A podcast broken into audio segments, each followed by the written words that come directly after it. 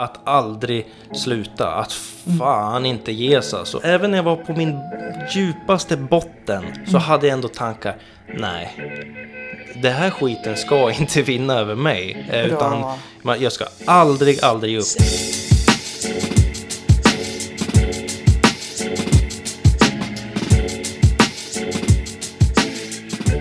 Charbel, stort välkommen. Tack så mycket. Du är årets talare.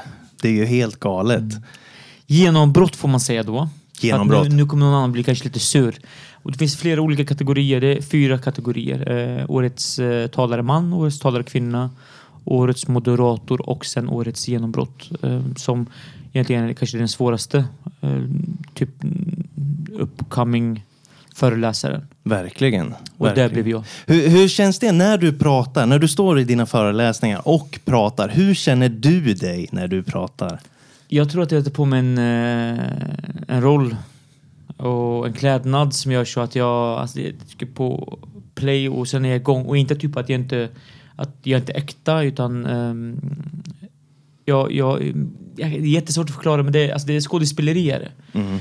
Och det är ju, jag föreläser ju men egentligen är det föreställningar jag håller. Mm. För att det inte sk- ska...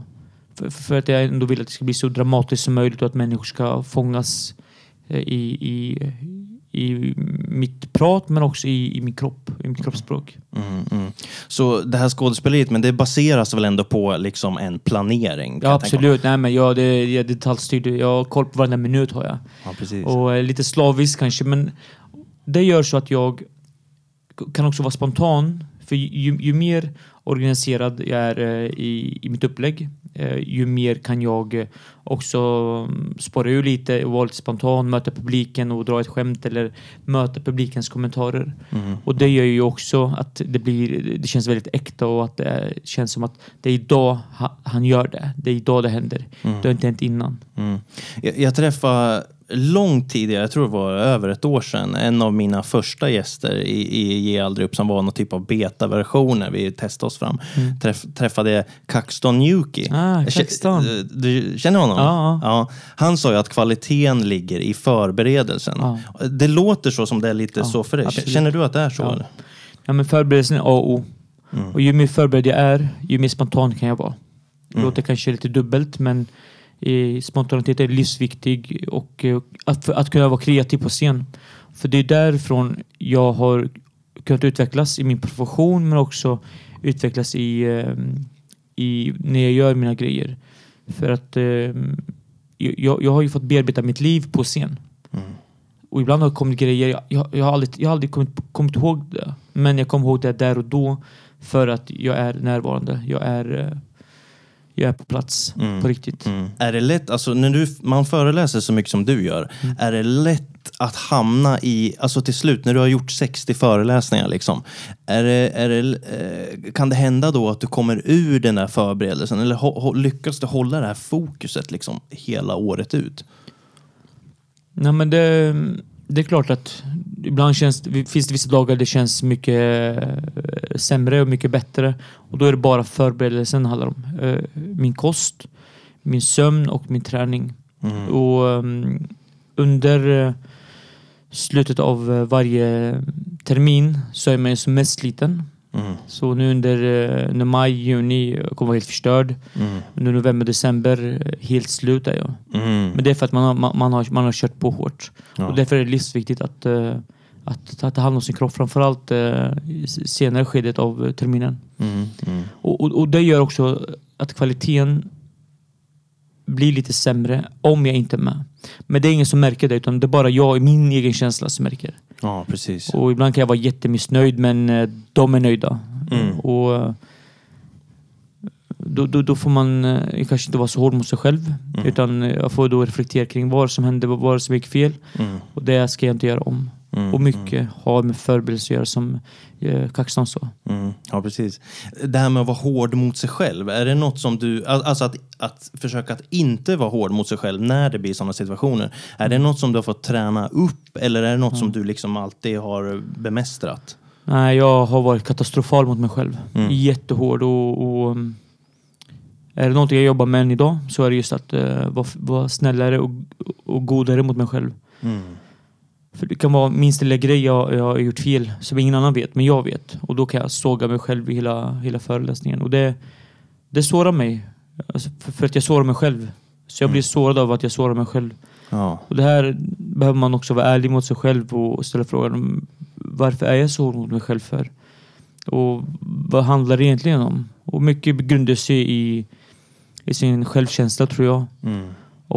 Då måste jag påminna mig själv om varför jag står på scen för. Mm. Och för, för egentligen ett halvår sedan så bestämde jag mig för att eh, jag, jag måste jobba utifrån en formel. Och det är att eh, jag tänker att nu när jag ska upp på scen så är det, jag ska försöka skapa en känsla som att det är första gången jag gör den här saken. Det är första gången publiken ska känna så att wow, nu händer det. Och då, då behöver jag vara transparent. Men så tänker jag också att för att jag ska kunna lura mig själv lite så tänker jag att det här kanske är sista gången i mitt liv jag föreläser. Mm. Jag måste njuta av stundens hetta, att det händer just här och nu. För jag kanske aldrig kommer få ett uppdrag mer någonsin. Och då har jag massa uppdrag bokade he hela året. Mm. Men alltså, det blir mitt sätt att, att, att jobba med min egen hjärna. Ja. För då, då okej nu, nu, nu, nu ska jag ge hela mitt hjärta till, till den här föreläsningen. Mm, fantastiskt. Jag vet inte om det handlar om att lura sig själv eller jag vet inte om du känner igen dig där just Jag känner igen det- mig jättemycket Ja, i det där. Att, och det handlar om att jag vill leverera. Jag, jag, jag, vill, vara, jag vill vara bäst varje gång. Ja. Och det här kommer nog mycket från min fotboll. Mm.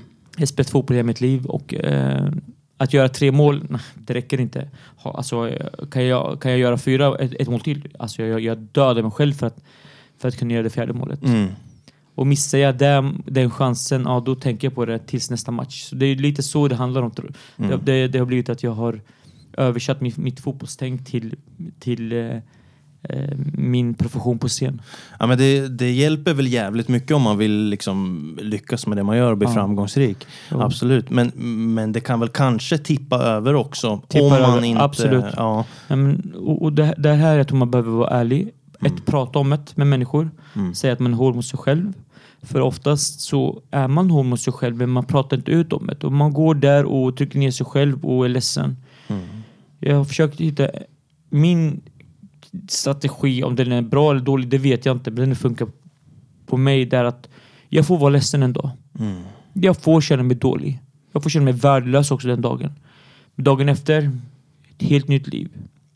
Jag tänker okej, men det ska bli min revansch nu. Att jag vet vad, jag, vad, jag, vad som gick dåligt. Och jag ska göra det så mycket, mycket bättre. Mm. Och det kan vara återkommande grejer.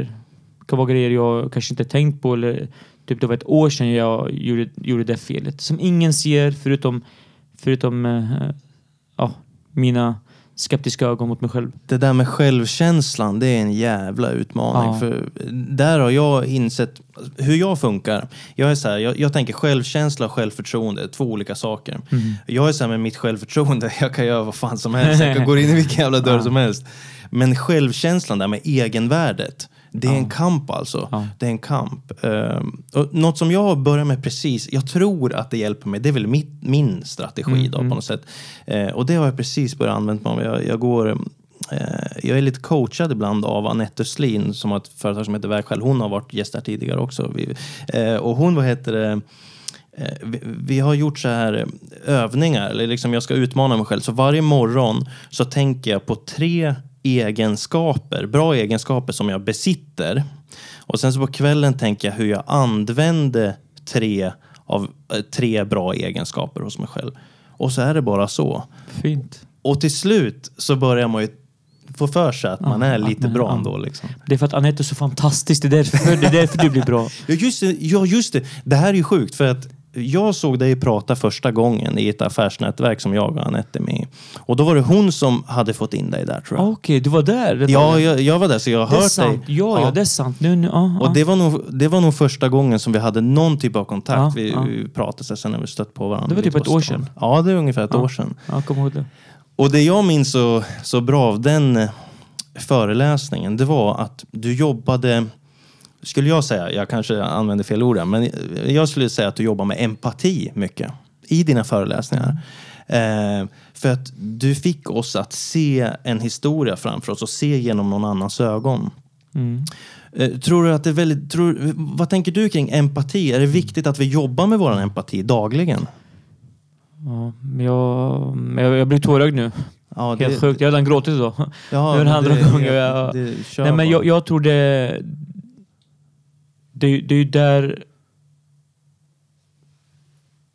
Jag tror det är där många människor brister i. Att man kanske inte vågar vara empatisk. Jag tror alla vi kan vara empatiska men folk vågar inte vara det. Och ju mer empatisk du kan vara, ju mer skillnad kan du göra. Kanske inte kortsiktigt men långsiktigt.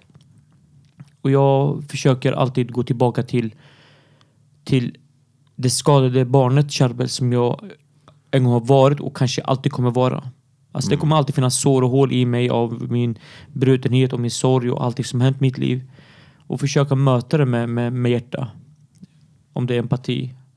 Så, så vill jag verkligen göra det. Och, och det, det handlar om att jag, jag vågar också ställa vissa frågor, lyfta upp eh, lite provokativa frågor också i, i olika sammanhang som man kanske inte vill göra. För där tror jag kan påverka på riktigt. Mm, mm. Och, och, men jag, jag har inte tänkt att det, det är empati jag jobbar mycket med. Alltså nu, det, det är kanske därför jag, jag, jag, blir lite tårögd här. För att jag, jag tänker att eh, jag ger mitt hjärta alltid. Och ja, empati ligger väl i hjärtat kanske. Mm. Men jag, jag skulle säga att det är empati, liksom att se utifrån någon annans ögon. Det är det du, jag vet inte hur du gör dina föreläsningar idag. Det var ju ett år sedan då. Ja, men de ser nog likadana ut. De ser likadana Ja, ut. alltså det blir alltid, jag ändrar alltid någonting. Men För att du plockar ju in någonting där som, eh, vad ska man säga? Vi alla kör på liksom eh, varenda dag. Allting rullar på, tick-tack, tick-tack, tick-tack. Och sen där liksom blir det en break och så eh, hör man de här historierna. Jag kommer ihåg, jag vet nu kanske jag spoilar för det i det är fall. okej. Det är okej. Eh, Jag, jag kommer ihåg en grej att eh, du målar ju upp en väldigt eh, katastrofal bild egentligen där man har några minuter på sig att fly sitt land. Och sen så jag, jag, jag tror jag, jag hoppas jag minns rätt nu, men man fick skriva upp vilka, oh, fan nu kommer jag, eh, man fick skriva upp vilka som be, betydde mest för en. Och sen så visualiserade man dem och att man fick välja mellan att ta sig till, till fastlandet när man hade ramlat över eh, bord eh, eller liksom att, alltså att överleva eller att, att stanna vid sina eh, nära och kära. Det är så jag minns det. Eh, och det var ju otroligt eh, gripande. Och, och, och det är ju liksom, det borde ju passa i alla sammanhang att prata om det här. Det borde ju passa i skolor och, och i business-sammanhang. Och alla behöver sätta sig ner, ta det lugnt och, och fundera över vad som är viktigt i livet. Och jag kan säga så här, ju- just den övningen du beskriver, det är den övning som är mer känd. Det är den övning som har gjort så att jag har vunnit massa priser. Mm. Som har gjort så att jag är här idag. Mm. Eh, och hur, hur komiskt livet egentligen kan bli av en liten grej. Och sen är det ju inte bara den grejen utan jag, alltså jag tror min gåva är att jag kan sätta ord på så sjukt mycket tankar och känslor. Men att jag ändå har fått paketera ihop det i en liten övning som har gjort så att eh, många människor kommer minnas med resten av sina liv. Mm. För att den här lilla lappen, för det är, det är ju på skoj. Den här lilla lappen det gör så att folk verkligen brister i tårar. Och många har blivit förbannade på mig och många är ledsna. Och då får jag själv gå tillbaka och be om ursäkt. Eller säga det, det här är enda sättet för Sverige att fatta vad människor egentligen går igenom. Mm. För det är att vi behöver, vi behöver se andras, andras syn för att kunna förstå. Skulle du vilja, för de få som inte har koll på vad du har för bakgrund, Mm. är det något som du skulle vilja Mm, absolut. förtydliga lite? Men jag, jag, jag är syrian och är född i Syrien. Och att vara syrian betyder att man är kristen. Så jag kommer från en kristen minoritet från Mellanöstern. Där eh, vi varit förföljda i generationers generationer. Och eh, vi kom till Sverige 1986. För att min mamma blev sjuk. Hon fick stroke i Syrien. Så hon, jag är uppvuxen med en förlamad kvinna. Som ehm, ja, jag, jag kommer inte ihåg henne hur, när hon gick normalt utan jag har alltid sett henne haltandes. Och det har ju varit våran tragedi i våra liv. Det har varit våran flykt, våran kaos, våran, våran eh, båt och våra... Ja, allting destruktivt det, kom, det började med mammas sjukdom egentligen. Och varför Sverige har att göra med att min morbror bodde här. Så han sökte visum till oss och sen så sökte vi asyl här. Och um, det är det värsta som hänt i mitt liv. Och anknytning till uh, mamma och pappa var inte den bästa. Mamma har inte kunnat ta hand om oss. Mm. Mina äldre systrar fick ta hand om oss istället och min moster. Pappa var inte så närvarande. Kommer, vi kommer från en kontext där man, man, eh, alltså, knark och narkotika fanns inte. Det var väldigt dyrt. Alkohol, man, man har inte samma superkultur som man har i Sverige. Däremot så hänger man mycket i föreningar och i föreningar spelar man kort. Så vi har väldigt stor spelmissbruk i, i våra kulturer och i min egen familj. Där eh, min pappa spelade bort eh, ja, hur mycket som helst egentligen. Och när jag, när jag växte upp så um, hade jag fotboll som, som min livskärlek. Jag skulle bli fotbollsproffs, jag skulle bli stjärna. Mm. Men uh, jag blev inte det. Jag hade inte mentaliteten till det. Jag hänger här med dig, det är också väldigt bra ändå. Mm. Om man får se det så. Klart. Men hamnade själv i utanförskap. Och för att jag blev inte sedd tillräckligt. Och en människa som inte blir sedd skapar ett sammanhang att bli sedd. Mm. Oftast destruktivt. Hängde med människor som också var som mig. Eh, hängde på gatan, eh, drack mycket, slogs, småbrott. Men fotbollen gjorde ändå så att jag höll mig lite ändå i schack. För att jag, jag, jag, jag, var ändå, jag ville ändå eh, lite med fotbollen. Men när jag var när jag var 20 till 22 så fick jag själv spelmissbruk. Och I den vevan ägde jag en spelbutik som låg eh, här i Djura i Norrköping. Och jag, jag, har aldrig, jag har aldrig haft skulder till någon. Däremot så jobbade jag gratis i två år. Och jag spelade bort så sjukt mycket pengar. Mm. Ett par miljoner kanske till och med. Jag har, jag har inte koll på hur mycket pengar det handlar om. Mm. Och därav så har alltså jag tappat respekt för pengar. Och än idag har jag inte respekt för pengar. Som är bra egentligen. För pengen är inte min drivkraft. Jag, jag, det är klart jag, jag behöver leva men jag bryr mig inte om, om, eh, om flash eller att det ska vara status eller vad, vad det nu ska vara. Och där och så kan jag ta, ibland tar jag gratisuppdrag och ibland så får jag väldigt bra betalt. Och det är också tacksam att jag inte har respekt för pengen. Och, och det här är präglar nog hela mitt liv. Att allt är dåliga. Mammas sjukdom, att jag har haft spelmissbruk, att jag levt destruktivt, att jag har haft självmordstankar. Det har ju bara vänt till någonting bra idag. Mm. Som blivit min drivkraft idag. Och, eh, och då finns det så sjukt mycket att hämta ifrån. När du har den här bakgrunden som du har och, och du kör vidare ändå, och du liksom kämpar vidare. Eh, som vi pratade om innan podden, du förkroppsligar poddnamnet här, ge aldrig upp lite grann. Så, eh, men hur gör du det? Alltså för jag kan tänka mig, med en sån bakgrund, även hur mycket man kämpar, så klart att det kommer dagar eh, då den här präglingen, präglingen sen, sen uppväxten eller vad man gått igenom kom, kommer och knackar på axeln och säger, liksom, säger dåliga saker kanske om en själv. Eh, så kan mm. Så kan jag uppleva. Och hur, hur hanterar du det? Hur går du vidare? Nu för tiden så hamnar inte jag där längre. Och det har att göra med att Scenen räddade mitt liv. Scenen som jag står på idag har räddat mitt liv totalt. För att jag har fått bearbeta mig själv, bearbeta mitt trauma, bearbeta vår flykt, bearbeta mycket av min trasighet, min mammas sjukdom och självmordstankarna och allting. För varje gång jag stod på scen och berättade hej mitt namn är Charbel, jag har levt destruktivt, jag vill börja jobba med människor, jag vill ge tillbaka. Alltså, jag, jag rensade det onda i mig, jag rensade det mörka. Mm. Men i början var det inte lätt, absolut inte. Det, det ska jag inte påstå. Och många gånger eh, jag, jag, eh, jag fick återfall i mitt spelmissbruk och i, i mitt hat. Men det här var 14 år sedan jag började jobba med mig själv. Och resan har, har inte varit lätt och den har varit svängig. Men jag hamnar inte så djupt längre. Utan eh, jag, vad jag kan hamna i det är ju att jag kanske inte känner att jag har gjort tillräckligt i, i mitt jobb eller i, i mina relationer med min familj. Det är kanske det enda jag, jag, jag kan må dåligt utav. Men det förflutna, det, det, det, det har blivit helt och hållet min, min, min eh, drivkraft. Men sen ibland, absolut, jag, det finns människor jag, jag får gå tillbaka och säga hej, du förlåt, det, det, det blir fel mellan oss när vi var små. Jag, jag mådde dåligt eller jag, jag betedde mig inte bra.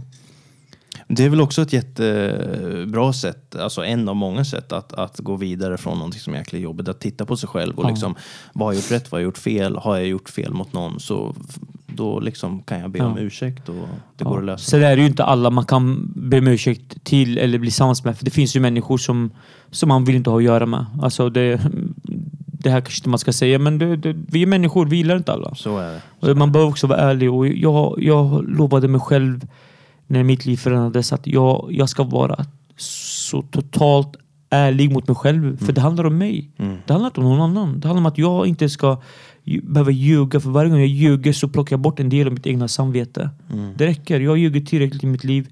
Och köper inte folk min sanning, nej men då, då behöver de inte ha med mig att göra. Ja, verkligen. För, för jag, jag har verkligen levt för alla andra. Mm. Och jag har glömt bort mig själv. Och det här har kommit i omgångar. Mm. Många gånger har jag sagt ja, ja, ja till grejer. Mm. Även i vuxen ålder. Mm. Till slut så sitter jag där och tänker, men vem, vem gör någonting för mig då? Mm. Och om vi ska vara ärliga mot oss själva så vet inte jag om det finns så många som gör saker och ting för dig eller mig. Och det är inte för att vara taskig mot mina nära och kära och de som har ställt upp. Alltså jag är jättetacksam folk. Men när livet sätts på sin spets så finns ingen där och rädda dig förutom dig själv. Det är då det handlar om karaktär, det är då det handlar om att jag behöver vara ärlig. Och i min ärlighet så försöker jag också vara... vara jag, vill, jag försöker vara, jag, jag, vill, jag vill vara god. Jag vill vara så god att många kommer tycka men han är, han är konstig, han är dum i huvudet, han, han vill någonting. För när jag, när jag är där, då kommer jag hålla i längden. Men är jag inte där hela tiden, då, då kommer jag fallera, då kommer jag tröttna på mitt sätt att vara. Och det, det gör nog så att jag orkar trots att livet har varit som det har varit för mig. Mm.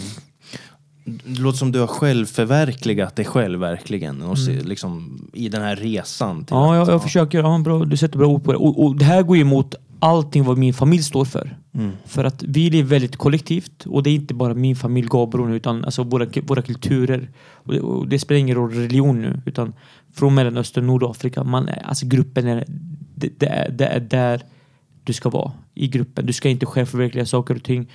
För jag har aldrig fått frågan vad jag ville bli. Mm. Eller hur jag mådde när jag var liten.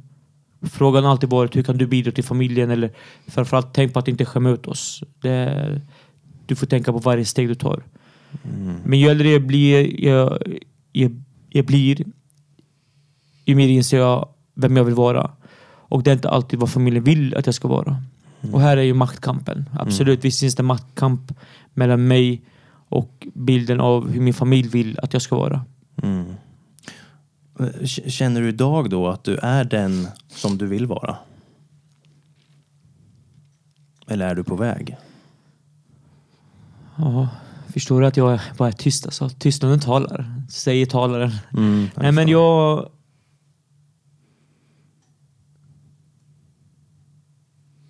Mm. Jag önskar jag kunde säga jag, jag är mig själv helt och hållet så som jag vill. Men jag, jag behöver ta hänsyn till familjen. Ett, jag... Jag kan inte gifta mig med vem jag vill. Det är helt omöjligt för mig att komma hem med en muslim. Och det här, nu tänker folk, vadå? Killen är ju, har jobbar med integration, man ska inkludera, absolut. Jag, jag har vänner som är muslimer. Men att, eh, att gifta mig med en muslim, det, jag vet att det, det skulle utsätta mig och min familj för väldigt mycket fara. Jag skulle inte kunna leva sambo med en tjej. För det skulle vara väldigt eh, skamset för mina föräldrar. Och eh, för, för ett tag så, så träffade jag en svensk tjej. Och eh, hon, hon, hon, i hennes värld, det är klart vi ska bo sambo innan vi gifter oss. Och jag bara, nej det, det kan vi inte göra. Och bara där blir det kulturkrock. Och det, det är en människa jag, jag är fascinerad ännu, alltså, utav. Och jag saknar ju människan och, och helt fantastisk människa. Men jag insåg att det, det skulle bli för mycket kulturkrockar. Och jag vet inte om jag hade vågat gå emot min familj. Det här låter så fegt att en sån som mig säger det här. Därav så behöver jag man, man välja sina fighter. Mm. Så därav säger jag, nej jag vet inte om, eh, om det går att vara sig själv helt och hållet fullt ut. Inte, inte för mig i alla fall i och med att hela min släkt bor i Norrköping. Mm. Och jag har massa syskonbarn. Jag behöver ta hänsyn till väldigt mycket. Så, så, de inte gör det, det vi typ inte får göra. Mm. Mm. Och så det, där är jag väldigt feg. Och det, det, och det vet jag och jag står för det. Och det, det här är jag, alltså det är min programmering. Det, det är så jag lär, det, det är så jag vet. Mm. Däremot så, det är, mitt jobb, det är ju så långt bort från våran programmering. Mm. De tycker ju det, här- det här är ju, jag är egoistisk som, som har det här jobbet. Tänker de. Gruppen, det är skillnad mellan liv och död för oss. I hemlandet, vi, vi, vi, har inga skyddsnät. Mm. Det finns inga försäkringar på samma sätt som det finns här i Sverige. Men i Sverige, vi behöver inte vandra på samma sätt. Och, och, och här i kommer också en väldigt stor kulturskillnad och kulturkrock som kan bli väldigt allvarlig när jag kanske går emot familjen allt för mycket.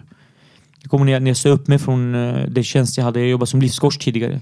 Och jag kommer hem och mamma blir helt galen och hela släkten blir, eller hela familjen blir galna och de ska, de ska ha familjemöte. För att eh, jag har gjort ett fel val.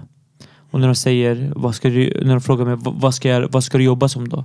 Då säger jag, jag ska börja jobba som föreläsare. Och säger va? Du kan knappt läsa, vadå föreläsare? Alltså vem är du ska stå där och prata inför människor? Eller, det är inget jobb. Så det är klart att man har fått, eh, man har fått stå också för, för sina drömmar ändå. Mm. Och det har inte varit lätt alla gånger. Där stod det ju på dig, det här vill jag Mm. göra. Nu börjar jag drömma, nu vill jag göra det här. Hur, hur, hur gick det?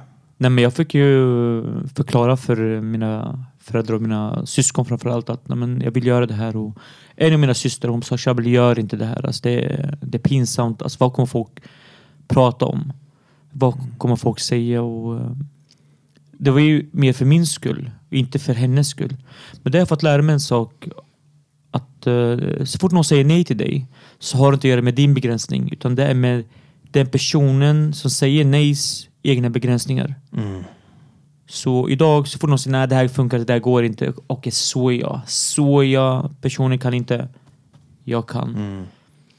Kaoset ligger hos dem, eller röran i huvudet Ja, ligger hos dem. och det behöver inte vara kaos eller rörigt, det kan vara begränsningar. Begränsningar. Och det har inget med dig att göra. Nej, alltså vadå? De vet ju inte min drivkraft. De vet ju inte vad som finns i mig alla gånger. Och därav så är det bra att checka av med människor. Alltså hela, hela min hela min föreläsning, framförallt integrationsföreläsningen, har jag byggt på samtal med människor. Så vad jag gör på scen det är att jag, jag skapar samtal mellan människor. Men det är jag som pratar. Men jag ställer oftast frågor som många andra har. Genom samtalet och jag får testa. Är det här bra? Vad tycker du om det här? Och då, då har jag kunnat paketera att eh, ja, men det här är tillräckligt provokativt eller det här är tillräckligt känsligt eller det här är tillräckligt intressant. Vissa grejer har jag fått tagit bort och jag, jag byter och tar bort grejer hela tiden. Mm.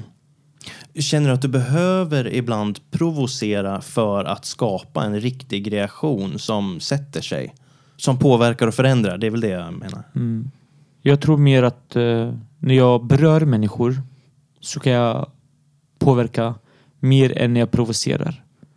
Men provokation och beröring och humor, det är ju det som gör så att människor öppnar upp sig på ett helt annat sätt. Mm. Och jag försöker blanda alla tre och, och där lägger jag också in min personlighet för att jag är ju jag är väldigt rolig som person.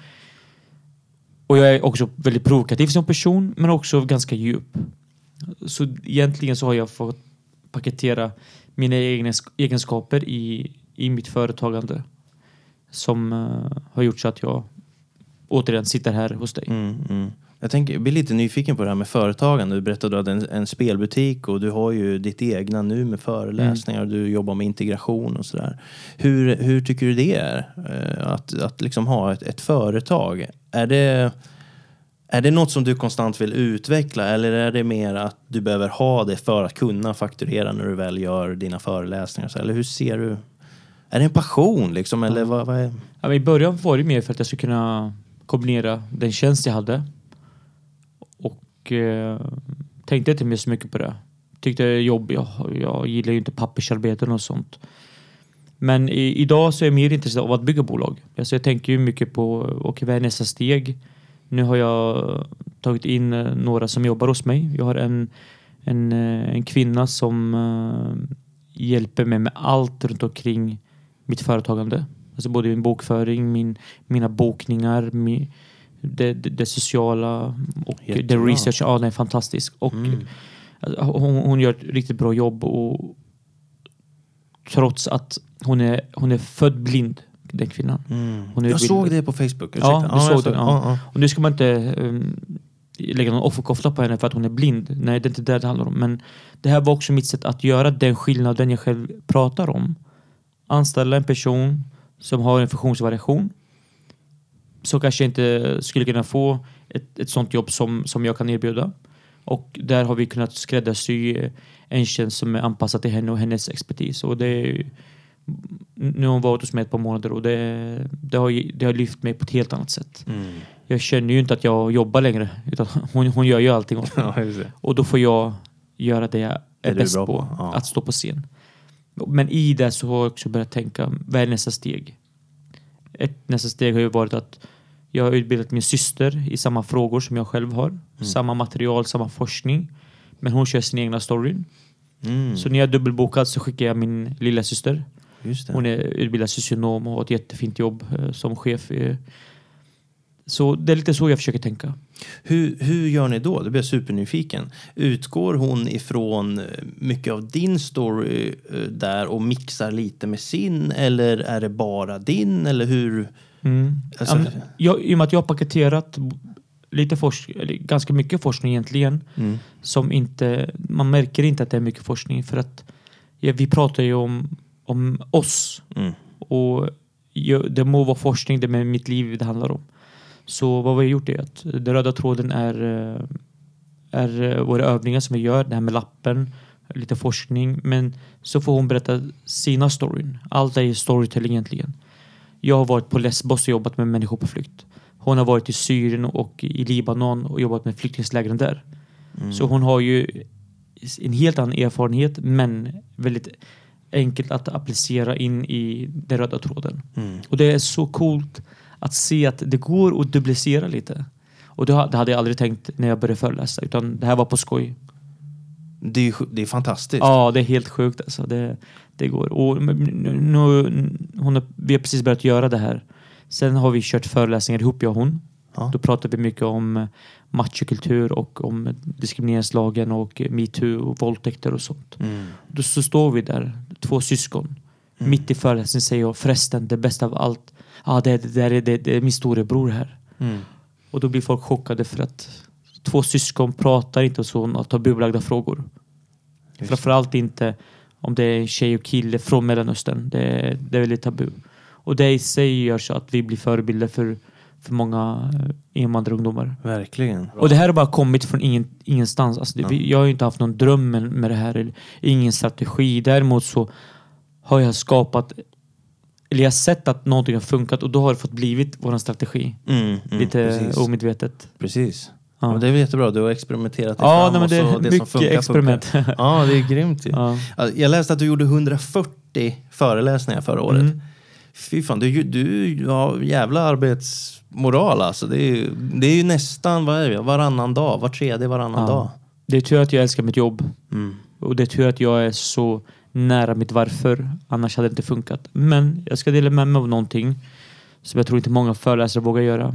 Sista föreläsningen jag hade var 10 december förra året. Och jag missade totalt.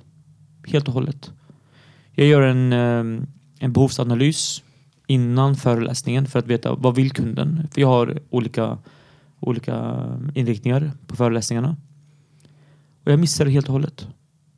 Vad menar du att du missade? Alltså, Nej, men jag missade vad, budskapet vad de ville ha. Jag, jag trodde Ah. de ville ha den vanliga integrationsföreläsningen ja. men de ville ha mer inspiration och eh, ja, nej, det Mm, blev, mm. jag mådde så dåligt. Mm. Så jag sa till kunden, jag bara, vet du, jag vill ta en krona. Mm. Och eh, kunden eh, gav mig andra chans. Han sa, men vet du, det gör ingenting. Du får komma tillbaka. Så jag ska dit i, eh, i juni igen och köra Ja. den föreläsningen jag skulle ha gjort Ja, i december. Ja, Och, det. och då återigen, det gäller att för mig bevisa att jag vill vara en seriös människa. Mm. Det ska vara långsiktigt. Men när jag inte gör rätt, då ska det också få kosta mig. I och med att pengar inte är min drivkraft så spelar inte det någon roll. Mm. Tvärtom. Jag tror jag, jag höjs ännu mer i kundens ögon. Verkligen. Men också att jag behöver alltid vara tillräckligt förberedd. Mm. Och jag vet ju varför det blir på det här sättet.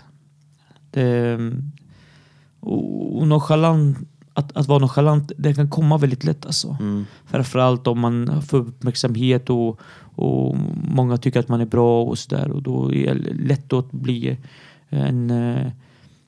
Ja, Så du blev grounded, Ja. vad heter det? Vad säger man? Eh, humbled? Vad är, vad är det på svenska? Ehm, det är sen, den föreläsningen jag tänkte, okej, Mm. det här är min sista föreläsning varje, varje gång. Mm. Det, det, den tanken kom utifrån att jag gjorde ett dåligt uppdrag. Eh, mitt sista uppdrag i, under 2018. Men fan, shit happens. Jo, men det gör det. Och det som är så bra det är att jag fått lära mig det. Så nu, alltså det är mitt sätt att trygga igång mig själv alltid. Mm. Att uh, jag tänker, nu kör vi sista gången i mitt liv. Men den där egenskapen är ju faktiskt eh, helt fantastisk. Liksom att vilja Mm. reparera eh, sitt misstag. För, för jag vet många människor som skiter i det totalt. Jag blir besatt. Jag är besatt av att slutföra någonting till mina kunder så att det blir Okej, ja. liksom helt, i varje fall Ja. okej om jag fuckar upp någonting. Ja. Men det är många som skiter i det. Och, och det är inte hållbart i längden. Men jag vet inte om folk vet alla gånger att de har förstört eller inte gjort ett tillräckligt bra jobb. Alltså jag vet inte. Jag, jag är väldigt självkritisk i både gott och ont. Mm. Och det gör så att jag vet alltså minsta lilla ord, jag vet att nej, vänta nu, det här blir fel. Mm. Men nu blir det fel, ur, alltså det blir ju fel mål till och med. Och det, det är som att jag självmål i en fotbollsmatch. Ja, det går inte att göra om i och för sig, men mm, i och med att det blev fel Mm. så tänkte jag okej, jag måste trigga igång mig själv varje, varje föreläsning på Ja. riktigt. Det ska, Ja, Inte, det ska inte bara latchas och eh, komma där med ta med klackspark utan var, varje uppdrag oavsett vart det är, om det är första eller sista, så ska jag tänka i min värld. Det är den sista föreläsningen, det är den sista chansen jag får i mitt liv att stå på scen. Mm. Och då, då kan jag ge hela mitt hjärta till människor. Jag, jag bara slänger kärlek på folk. Det är all in liksom. Ja. Mm. Och jag är, sen jag är helt slut efter föreläsningarna. Alltså, ja, jag förstår det. tio minuter eller, eller åtta timmar. Det, jag är lika slut. Du går in i dina känslor och, och blottar dig själv. Är det det Ja. som är jobbigt? Ja, men jag tror att ge av sig själv tror jag är, eh, är påfrestande. Mm. Och vad jag behöver, jag behöver mat och så behöver jag sova lite. Mm. Helt ny människa. Mm. Och, och tills, man, tills jag kom underfull med det så gjorde jag massa nitar. Alltså, men jag, jag visste inte varför jag blev otrevlig för ingenstans. Mm. Det var för att jag behövde energi. Jag, jag har gett av hela mitt liv. Jag har blottat mig. Nu behöver jag få tillbaks och det är inte i komplimanger. Det är inte i feedback. Jag tar aldrig feedback samma dag. Mm. För att jag är för svag för att ta emot någonting. Och jag är inte redo att ta emot någonting bra heller. Däremot dagen efter kan jag gärna ta emot feedback. Mm. Du är emotionellt Ja, tömd. du är helt, slut. helt tom, helt slut. Okej. Och det har jag fått lära mig. Så jag har fått lära känna mig själv väldigt mycket. Och det, Mm. och av mina misstag. Där igen. Vad gör vi med misstagen? Det är där jag, jag älskar när någonting uppstår. För då vet jag att jag kan lära mig av det. Och jag har också ett annat motto. Det är att allt är på skoj. Ja. Alltså allt är på skoj tills det blir allvar. Då får man skoja till det ännu mer. Så det är en balans mellan skojet och att det här är min sista föreläsning, Ja. så nu jävlar. Ja. Så du kan gå och pendla mellan de där energierna och mind-statet. liksom. Ja. Trodde du någonsin att du skulle hamna här Charbel? Aldrig. Och bara där skapar jag också en tacksamhetskänsla. Jag var under Almedalen förra året och mitt, jag skulle precis upp på scen och föreläsa för massa politiker och högt uppsatta inom näringslivet. Och jag bara, vänta, vart är jag? Mm. Jag är mitt i smeten och jag var tvungen att nypa mig själv och tårarna kom två minuter innan jag ska upp på scen. Och ibland behöver jag påminna mig om det. Mm. Ibland behöver vi påminna oss själva om vart vi har faktiskt varit. Oavsett om, om livet har varit eh, svårt eller tragiskt. Men att gå tillbaka till eh, sina barndomsdrömmar eller gå tillbaka till, eh, till vart man har varit för att inte glömma bort sina rötter. För det stärker mig i alla lägen oavsett vem jag möter idag. Den, här, den här tacksamheten på något sätt som du beskriver när vi pratar. Är det något som du har tränat upp eller har du alltid haft en möj... Alltså har du alltid sett den här för, för, för mig själv så är det något som har kommit på senare år. Jag har ju alltid kunnat sagt att jävlar vad bra vi har exempelvis i Sverige medan de inte har andra länder. Men, men det är en typ av tacksamhet som man kan enkelt säga. Sen att verkligen känna inifrån en, en riktig tacksamhet och att kunna använda sig av den som en drivkraft. Det är ju någonting, tycker jag för mig är något relativt nytt och fantastiskt. Eh, Men det tar ju tid att komma dit. För mig i varje fall. Men vissa kanske har haft det alltid. Nej, men nej, absolut inte. Och det här tror jag har med åldern att göra, men också när man har insett värdet av, eh, av sitt liv, men också vad andra inte har. Ju, ju äldre jag blir, ju mer tacksam blir jag. Sen är jag också tacksam att jag har fått en andra chans i livet. Jag har verkligen fått en andra chans i livet. Och, och bara det blir ju min, min drivkraft. Min andra chans gentemot eh, min familj, att jag idag får göra dem stolta. Tidigare har jag fått eh, göra så att de får känna på skam väldigt mycket. Och jag får verkligen ge tillbaka. Sen är det inte alltid eh, mina föräldrar eh, säger vad duktig du är. Det, det, det har de inte sagt. Men, eh, men de visar sin kärlek på, på, på ett annat sätt. Gör de. Så tacksamheten kopplar jag väldigt mycket med nöjd, att jag är nöjd. Mm. Så nöjdhet och tacksamhet går lite hand i hand för mig. Det, det kanske inte det gör för alla. Men det har att göra med att jag, jag har sett kontrasten av mina olika liv nu och då. Och, och det låter som du har kommit till freds med vad som är. Ja. Men med det jag kan eh, påverka, absolut. Alltså, någonting jag inte är tillfreds med det är att eh, min, eh, jag är sex syskon. Fem systrar och en bror och min storebror han har cancer. Jag kommer aldrig kunna, kunna vara tillfreds med det. Och se sin hjälte ligga där. Och eh, har fått eh, ja, det värsta beskedet man kan få. Och, det här var i samma veva som jag vann massa priser. Alltså det är klart jag är glad för min skull men de betyder ju ingenting när, när det handlar om liv och död. Mm. Så absolut, jag är tillfreds med mitt liv men vad är mitt liv värt? Eller nej, inte mitt, mitt liv, det är inte mitt liv jag pratar om men vad är all lycka värt när, eh, när det handlar om liv och död i familjemedlem? Mm. Och eh, jag försöker också, det här blir också mitt sätt att bearbeta hans, hans sjukdom. Att, att, att prata om honom, prata om nu i, i podden men också på mina föreläsningar och ibland brukar jag låta eh, publiken he, skicka en hälsning till honom. Och då blir han uppmuntrad och då, då, då, känner, han sig, eh, då känner han sig speciell och stolt. Mm. Mm.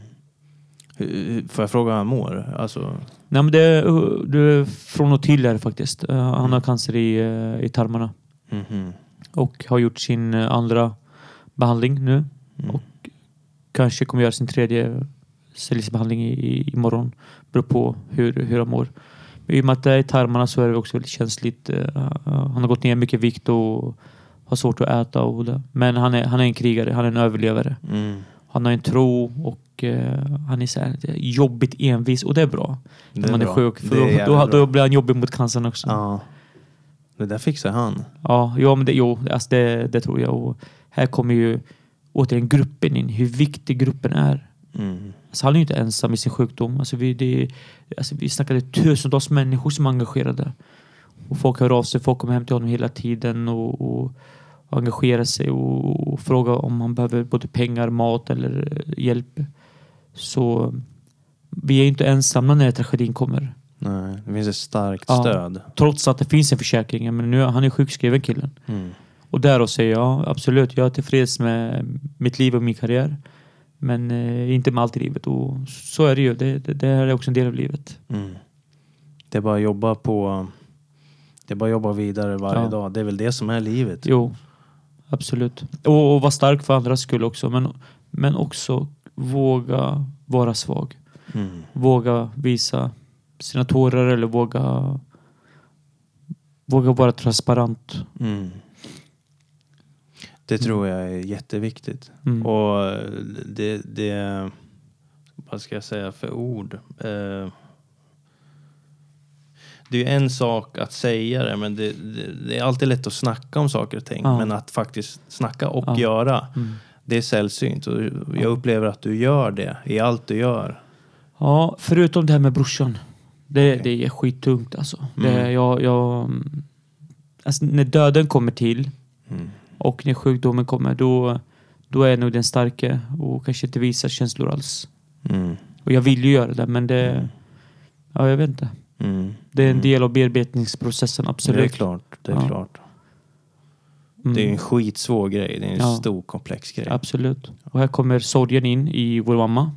Att, och hon, hon, hon är inte död, hon är inte, men att, alltså, vi miste vår mamma lite fysiskt. Men det har också blivit vår största drivkraft. Alltså jag har sett en kvinna utan någon förutsättning ändå klara av livet i Sverige och lärt sig prata och skriva på svenska. Och arabiska. Och då är hon nere i analfabet, så du vet. Mm. Och har sett hur hon har tragglat sig igenom livet och kämpat och krigat på. Och det gör ju så att, att stå på scen, det är inga problem. Ge mig en uppgift, jag kommer klara av det. Mm. Så länge jag bestämmer mig för att göra det så kommer jag göra det. Det kanske inte kommer bli världsbäst, men det kommer bli bra. Mm. Mm. Från tragedin vi har sett, vi är uppvuxna med. Process, det är en process, det tar tid. Sen får jag lite distans till den. Och när jag har distans till den, då kan jag få en balans. Så process, distans, balans. Processen är egentligen en jäkla massa känslor Ja. allt det här som pågår hela tiden. Ja, som Och jag sen- måste få prata om och, Mm. och lyfta upp. Mm. För att, för att kunna få distans till, att kunna skoja om, att kunna driva om, att kunna, kunna få en relation till, till det. Mm, Och inte mm. hata Mm. mammas sjukdom eller eh, brorsans sjukdom eller våran flykt. Mm. Eller kriget. Och då, då kan någon slags balans eh, uppstå. Och då kan jag finna frid och ro. Min plats i Sverige. Och våga gå tillbaka till mina drömmar. Vad vill jag i mitt liv? Mm. Men många lever ju i kaos. Kanske inte eh, rent fysiskt, men i ens inre. Man har inte koll på saker och ting. Och man har massa frågor som man, som man aldrig fått, eh, fått bearbeta eller våga ställa. Vad behöver vi i Sverige? Jag tror vi behöver eh, interkulturell förståelse. För med förståelse så kan vi också ta sönder mycket fördomar som vi har. Alla har vi en massa fördomar. Men med förståelse för människor så kommer vi också våga prata med människor som inte är som oss eller beter sig som oss eller har samma hudfärg eller samma religion som oss. Och det kommer i förståelsen. När väl förståelsen sitter och jag är inte rädd, då kommer jag kunna öppna upp i mitt privatliv först. För integration, det är inte politiskt, utan det börjar med mig som privatperson. Och sen så småningom arbetsmarknaden, alltså det måste öppnas upp. För att Sverige ska kunna må bra. För Sverige mår ju inte så bra nu om vi ska vara ärliga. Och inte för att det kommit massa massa flyktingar till Sverige, nej, utan för att man kanske har skött frågan på fel sätt. Och man kanske inte vågat lyfta upp vissa frågor. Och det, det är någonting jag försöker bidra med till, till Sverige. Att lyfta upp frågor men också skapa förståelse. Jag kommer ihåg en idé som jag hade Ja. som var en integrationsidé. Vad tror du om, du vet som i eh, USA till exempel, där finns ju sån här, vad heter det, Ju- jury duty, alltså du som medborgare är du liksom skyldig att vara med i så här juryn. Alltså i så här rättegångar och grejer. Varför har vi inte någonting i Sverige där vi måste möta nyanlända? Där vi måste komma hem till dem, till deras kök och, och, och liksom ta en fika. Ja. Eller tvärtom, eh, eller, eller och tvärtom. Och sen kan man börja på någon offentlig plats och bara ses. Tänk om det var, alltså du var tvungen att göra det. Jag bara får för mig att om alla skulle börja eh, liksom ses och träffas och prata, för det är det vi inte gör. Och om alla skulle göra det och, och, och alla parter får det ansvaret, då skulle ju Sverige skena iväg i utveckling. Ja, och här återigen, för att det ska ske så behöver vi ta bort rädslan. Mm. Jag, jag kan berätta om eh, min mentor. Han heter Leif Eriksson. Han är 65 år gammal och jobbat som chef inom eh, Sveriges Radio typ i 30 år. Lägg då på att han är gay, okej? Mhm. Och någonting som, eh, jag menar, i min värld, det, det finns inte. Hade jag vetat att han var gay så vet jag inte om jag hade skrivit till honom för att jag är inte gift, är jag inte. Och folk undrar varför inte Chablis gift. Många tror att jag är gay själv. Och eh, nu, folk får ju vara vad de vill och, och jag är inte gay. Men att jag umgås med en gay skulle ju stämpla mig igen. Okej. Men att ha fått Leif in i mitt liv har gett mig en helt annan syn på Sverige och svenskar. Alltså jag känner ju svenskar, jag umgås, spelat fotboll och varit hemma hos svenskar. Men nu får jag umgås med en svensk historielärare typ. Han är, han är äldre och jättekunnig och berest. Och när jag får sova hemma hos honom så får jag upptäcka det svenska. Men när han kom hem till oss, Norrköping, sov hemma hos min mamma och pappa. De är typ samma ålder. Han umgås med mamma och pappa, så umgås han med mig. Han äter mammas mat och umgås på ett syrianskt sätt hemma hos oss. Och det gör så att han har fått se en helt ny värld. Trots att han har jobbat mycket utomlands och, och, och killen han, han är kunnig och, och väldigt intellektuell. Och det är bara då, när vi vågar mötas i varandras hem, i olikheten, det är bara då någonting magiskt kan hända. Det finns många mentorskapsprogram och alla möjliga grejer. Skitbra. Men integration på riktigt är när du vågar gå, till, gå hem till någon som inte är som du igen. Det är där du ser det verkliga livet. Mm. Och det händer ju inte. Nej, och det var där jag, det var där jag tänkte att Ja. där kanske faktiskt eh, liksom, Ja. eh, staten skulle lägga sig i lite. Och att Ja. när det kommer liksom en ny, nyanländ till Norrköping, då ska en svensk från Norrköping eh, träffa den människan. Ja, fantastiskt. Eller familje, eh, familjevän eller någonting. Finns det något du vill förmedla? Finns det något, något råd och tips som du vill dela med dig av de som Mm. lyssnar och tittar? Det är en grej som jag, som jag börjar säga nu på sistone. Det är, du kan göra ett test på dig själv. Ett integrationstest. Hur inkluderande du är. Och det är, kolla på dina vänner. Vem finns runt omkring dig? Vem brukar du umgås med? Är de som dig? Då är du väldigt dålig på att inkludera människor. Är de inte som dig? Om det är olika nationaliteter, olika ursprung eller olika religioner. Då är du ganska bra på att inkludera. Och så behöver ju företag tänka, så behöver myndighet tänka, så behöver grannskapet tänka egentligen. Och det är någonting jag själv gör. Så vem umgås jag med? Och jag försöker inte bara umgås med syrianer som jag egentligen gjort hela mitt liv. Och där, där återigen, jag går tillbaka till Leif, hur mycket han har fått, hur mycket vår relation har fått betyda för mig och jag vet att det betyder väldigt mycket för honom också. Så integrationstestet, hur ser ditt umgänge ut? Är det homogent eller är det gott och blandat? Mm. Sen tänker jag också det här med, med integrera, alltså, eller inkludera. Superviktigt, su- starkt viktigt ord. Eh, men sen tänker jag också, även om man är omgiven av eh, massa olika kulturer, exempelvis olika eh, människor så här. Så det är ju en typ av inkludering, men att också vara villig att öppna upp lite också och släppa Absolut. in i livet är Ja. ju en, en, en djupare Ja. inkludering. Jo, men jag tror om, om man vågar möta olikheten, då är man ju ändå öppen. Mm. Och det är, no- och det är någonting jag själv försöker tänka på ständigt. Att vara öppen mot människor som inte är som mig. För det är klart att vi har fördomar. Mm.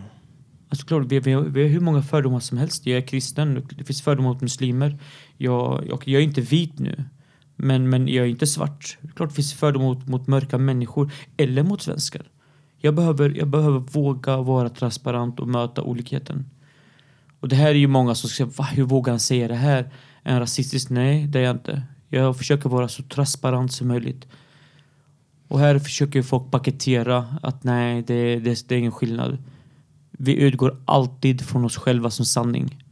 Därför behöver vi vara öppna och våga vara det. Mm.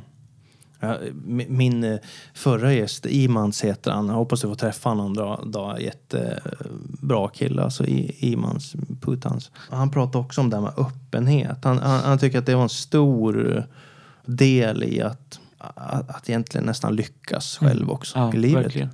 Våga vara öppen och lekfull, absolut. Vad kommer härnäst för dig och vad vill du göra eh, i fortsättningen i ditt liv? För två år sedan så fick jag och eh, en kille som heter Armando Ibrakovic en tanke att eh, starta eh, något ideellt. För att mycket hade att göra med att jag saknade träffa grabbar. Som jag, har jobbat egentligen bara med unga grabbar som lever destruktivt. Så vad jag har gjort nu med eh, ett gäng från eh, näringslivet. Mm, en kvinna som heter Meta från Norrköping. Ingela Gullenstrand, uh, Olle från Crazy Picture om du vet om det. Mm, just det. Och en, en kusin till mig som också heter Charbel. Vi har startat en uh, organisation som heter Samtalsgrupp, Samtalsringen. Där vi en gång i veckan träffar unga killar. Vi tar bort deras klocka, vi tar bort deras mobil. Och så samtalar vi med dem under de här två timmarna. Där vi framförallt pratar om, uh, om manskapet, om synen på hur det är att inte kanske känner sig integrerad. De flesta är nyanlända. Och så vad jag gör egentligen är att jag uppfostrar unga killar på nytt. Gör dem redo. När det är dags så vänder vi oss till näringslivet och säger hej, vi har en kille här som vill ha ett jobb. Snälla, kan inte ni fixa det? Och av våra kontakter så blir det vårt sätt också att integrera unga killar eh, i Norrköping. Det här, är, det här är någonting jag kommer satsa ganska mycket på nu under eh, resten av året. Utöver mina föreläsare som flyttar på väldigt bra. Och det är så magiskt att se hur en kille från ingenstans säger bara Charbel, jag har fått ett jobb. Det är tack vare dig. Du har räddat mitt liv. Jag har egentligen inte gjort någonting. Jag har bara öppnat upp och gett möjligheter. Mm. Mm, fantastiskt. Ja. Så det krävs väldigt lite att beröra och påverka människor väldigt, väldigt mycket. Mm. Och då måste jag våga vara den förändringen alla vi andra pratar om. Charbel, det var eh, en ära att ha det här. Ja. Vilket jättebra samtal vi Ja, hade. det var fantastiskt. Ja, det var kul att prata med dig med faktiskt. Du, jag måste säga feedback till dig. Du, du är bra på att ställa frågor och du, du är också närvarande. Och det gör också att samtalet blir väldigt eh, genuint. Tack. Jag försöker. Ja, jag försöker att lyssna väldigt mycket. Jag tycker det är viktigt för att um, gör man inte det då, då blir inte människor sedda heller. Nej. Och du pratade om det tidigare. För mig är det väldigt viktigt att folk ska få känna sig sedda och inkluderade. Mm. Eh, det är nästan avhumaniserande ibland när folk inte blir lyssnade på. Mm. Ja. Så tack för att du tack såg själv. det. Tack så jättemycket. Say.